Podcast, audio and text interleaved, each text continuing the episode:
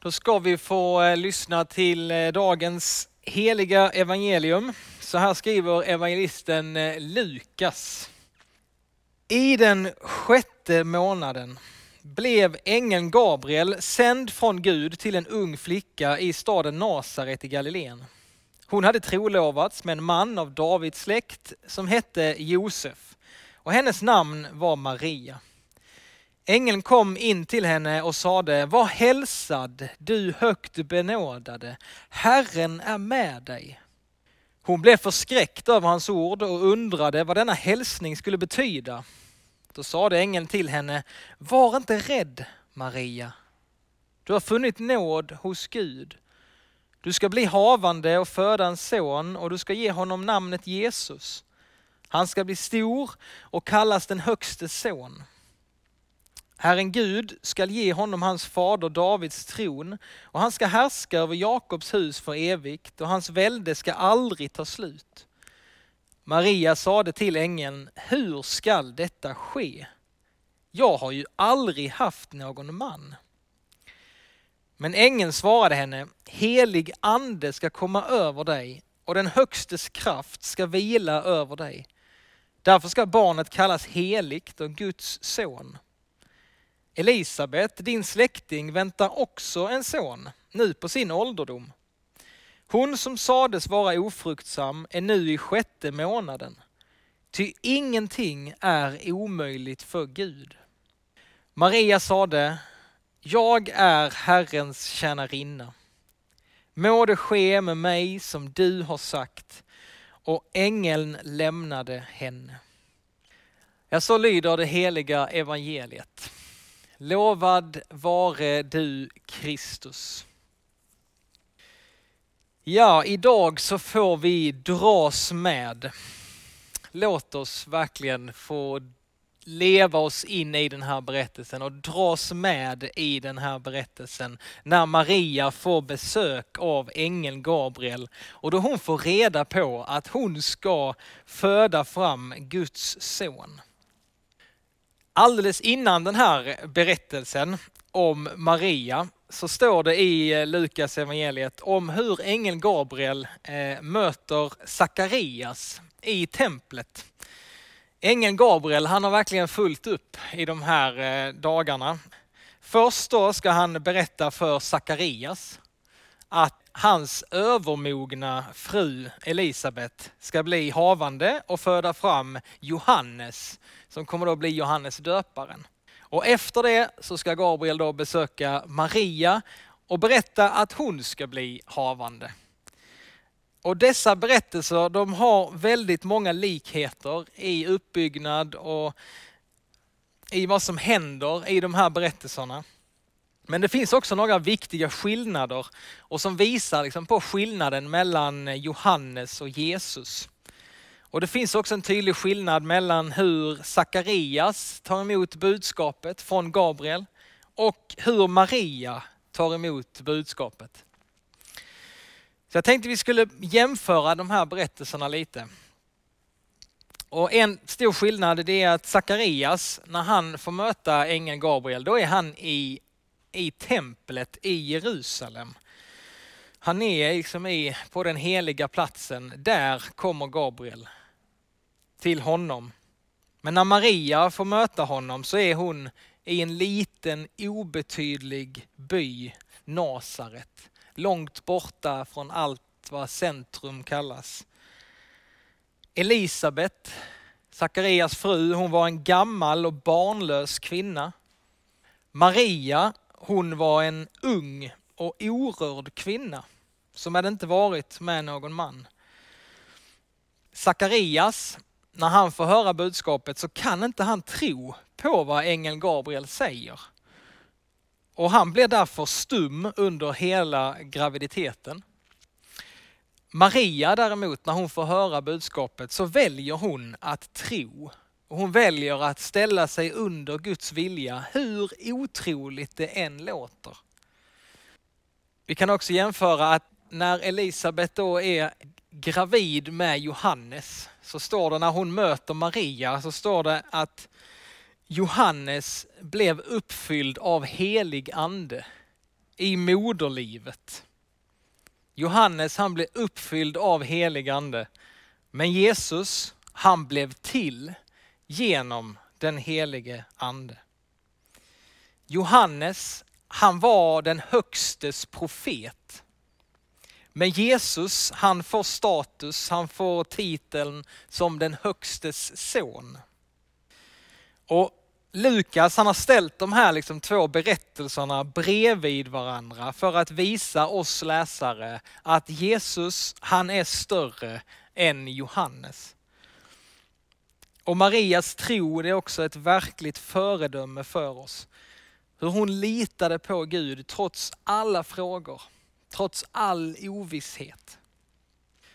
Och vi kan se när Johannes växer upp så kommer han också förstå detta. Johannes, han som eh, blev den här populäre väckelsepredikanten på den tiden. Det var tusentals människor som sökte upp Johannes ute i öknen och de ville höra vad han hade att säga. Han samlade stora skaror människor som kom ut för att lyssna till honom. De kom ut för att döpas av honom i Jordan. Och när Johannes är liksom på toppen av sin verksamhet, toppen av sin popularitet, då säger han så här. Han ska bli min, han ska bli större. Han pekar på Jesus och säger han ska bli större och jag ska bli mindre. Ja, i de här berättelserna, här finns så många som fantastiska formuleringar. Både när det gäller Johannes, när det gäller Maria. Eh, och när vi läser de här texterna så står de här olika formuleringarna för att du och jag också, vi ska kunna få använda dem i våra liv. Alltså så som Johannes sa, så får du och jag också säga. Vi får använda hans ord. Det får bli som en inriktning, som en livsstil för oss. Liksom. Att han ska bli större. Han ska bli större och jag bli mindre. Eller ta bara ängelns ord till Maria som hälsar henne, bara säger var hälsad du högt benådade. Herren är med dig. De orden de står där, vi läser dem idag för att vi också ska kunna ta till oss de orden. Att Herren är med dig. Där du är just nu. Herren är med dig. Han är för dig. Han står på din sida. Ängeln säger, var inte rädd Maria. Och där kan vi bara få lägga in vårt eget namn efter de orden. Han säger, var inte rädd Daniel.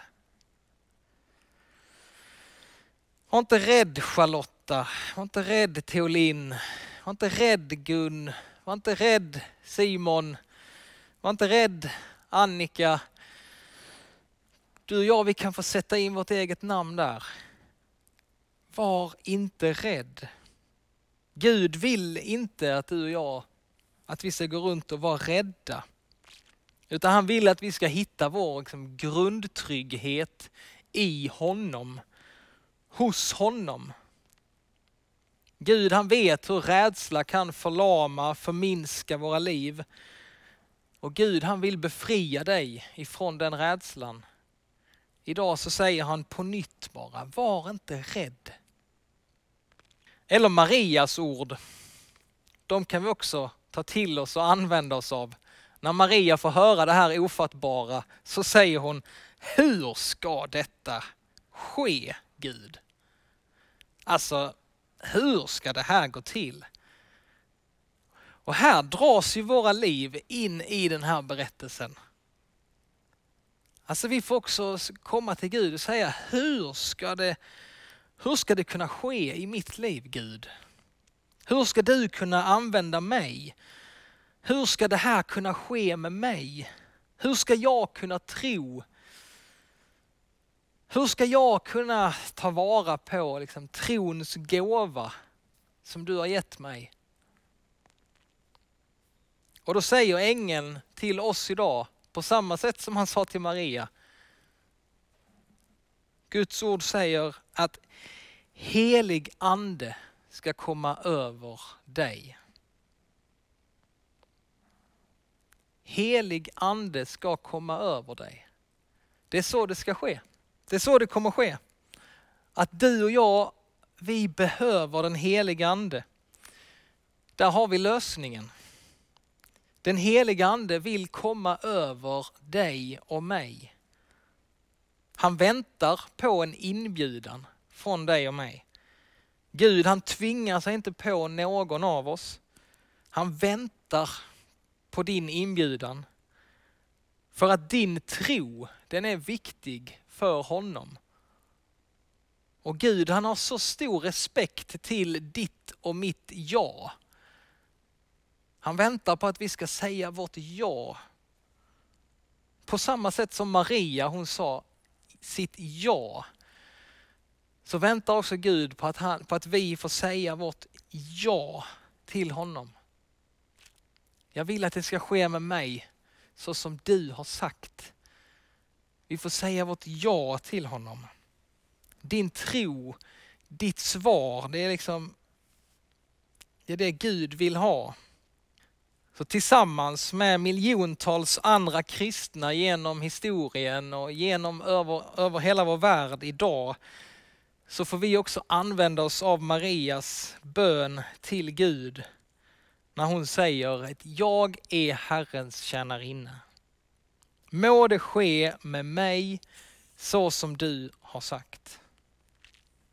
För på många sätt så kan vi ju säga och vi märker att mörkret, det verkar som att det bara tätnar över vår jord på så många sätt.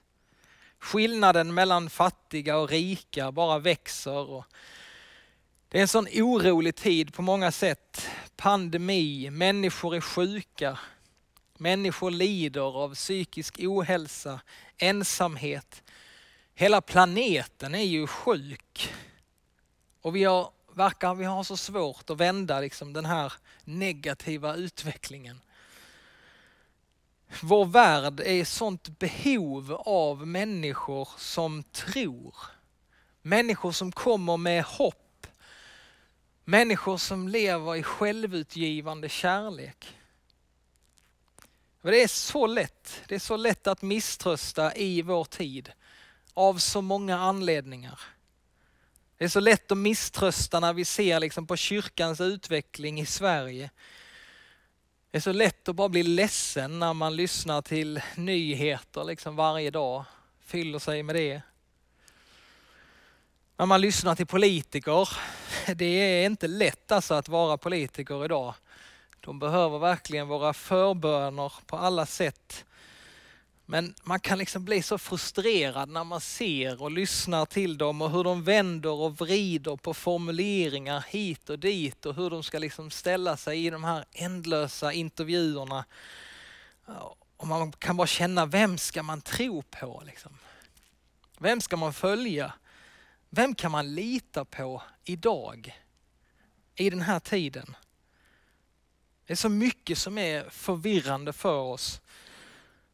Och därför är det så gott att få veta att mitt i den här oroliga tiden så finns det en att följa. Det finns en som är värd att följa. En som aldrig sviker, vars ord håller liksom att bygga sitt liv på. Att följa honom, det håller genom liv och död. Därför är det så gott att säga att jag följer Jesus i den här tiden. Jag väljer att följa honom. Och Jag vill bara berätta vad det är som ger mig hopp i den här tiden. Det som ger mig alltså hopp på verklig förändring i vår tid. Det som ger mig mest hopp, det är människor som inte resignerar inför all ondska och oro i vår tid. Det som ger mig hopp det är när människor gör som Maria gjorde i den här texten. Som säger bara, jag är Herrens tjänarinna. må det ske med mig som du har sagt. Alltså när människor i vår tid, en efter en, ung och gammal, säger bara, alltså här är jag Gud. Sänd mig. Använd mig. Och jag vill tro att utöver Helsingborg, utöver vårt land och vår värld så finns det människor idag som ber den bönen. Som säger bara, här är jag Gud. Sänd mig. Låt det ske med mig så som du vill, så som du har sagt. På Rå tror jag att det sker. I Ramlösa, på Dalhem, i Rosengården, på Statena, i Rydebäck, på norr och i söder, i Lerberget, i Mörarp, i Eskilsminne, ja, på alla andra orter. Jag vill tro att det finns människor som bara säger, här är jag Gud, använd mig. Även i den här tiden så finns det kristna som tror och som tror att de att vi tillsammans kan faktiskt få påverka Helsingborg. Vi kan faktiskt få påverka vårt land med vår tro. Och när vi säger det, då eh, kan vi ju verkligen bara få utbrista med Maria. Vi ställer samma fråga, hur ska det ske? Alltså hur ska det här bli möjligt? Hur ska det ske Gud? Ja, och då vet vi svaret vid det här laget. Då. Vi vet svaret. Den helige ande ska komma över dig och mig.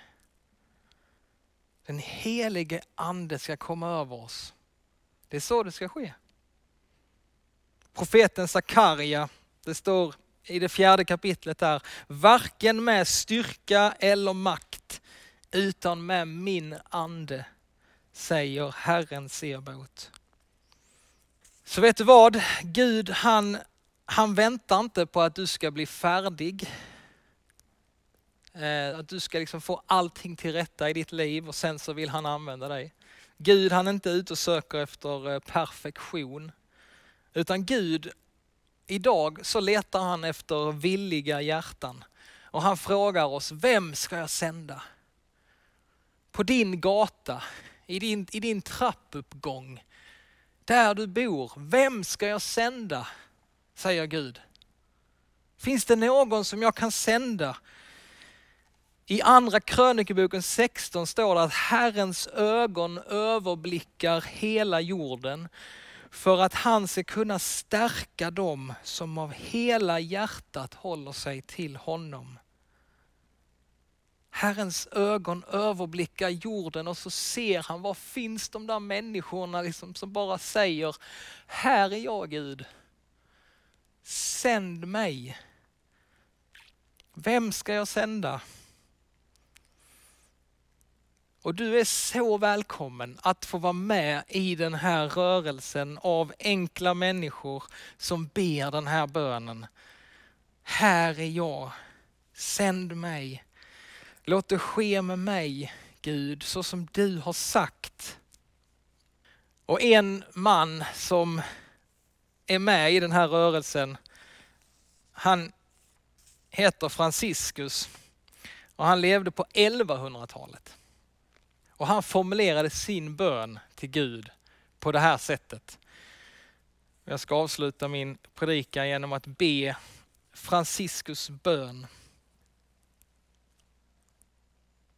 Herre, gör mig till ett redskap för din frid. Låt mig bringa kärlek där hat råder. Låt mig bringa förlåtelse där orätt har begåtts. Låt mig skapa endräkt där tvedräkt råder. Låt mig få komma med tro där tvivlet råder. Låt mig få komma med sanning där villfarelse råder. Låt mig få komma med glädje där sorg och bedrövelse härskar. O min mästare, låt mig inte så mycket söka att bli tröstad som att trösta. Inte så mycket söka att bli förstådd som att förstå. Inte så mycket att bli älskad som att älska. För det är genom att ge som man får. Det är genom att glömma sig själv som man finner sig själv. Det är genom att förlåta som man blir förlåten. Och det är genom att dö som man uppstår till evigt liv. Amen. Då får vi tillsammans bekänna vår kristna tro. Vi tror på Gud Fader allsmäktig, himmelens och jordens skapare.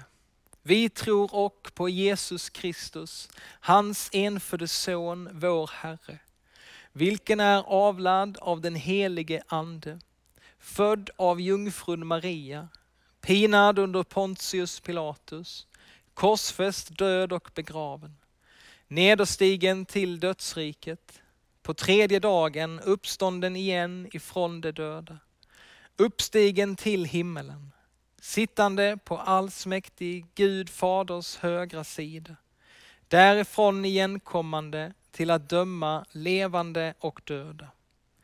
Vi tror och på den helige Ande, en helig allmännelig kyrka, det heliga samfund, syndernas förlåtelse, det dödas uppståndelse och ett evigt liv. Amen.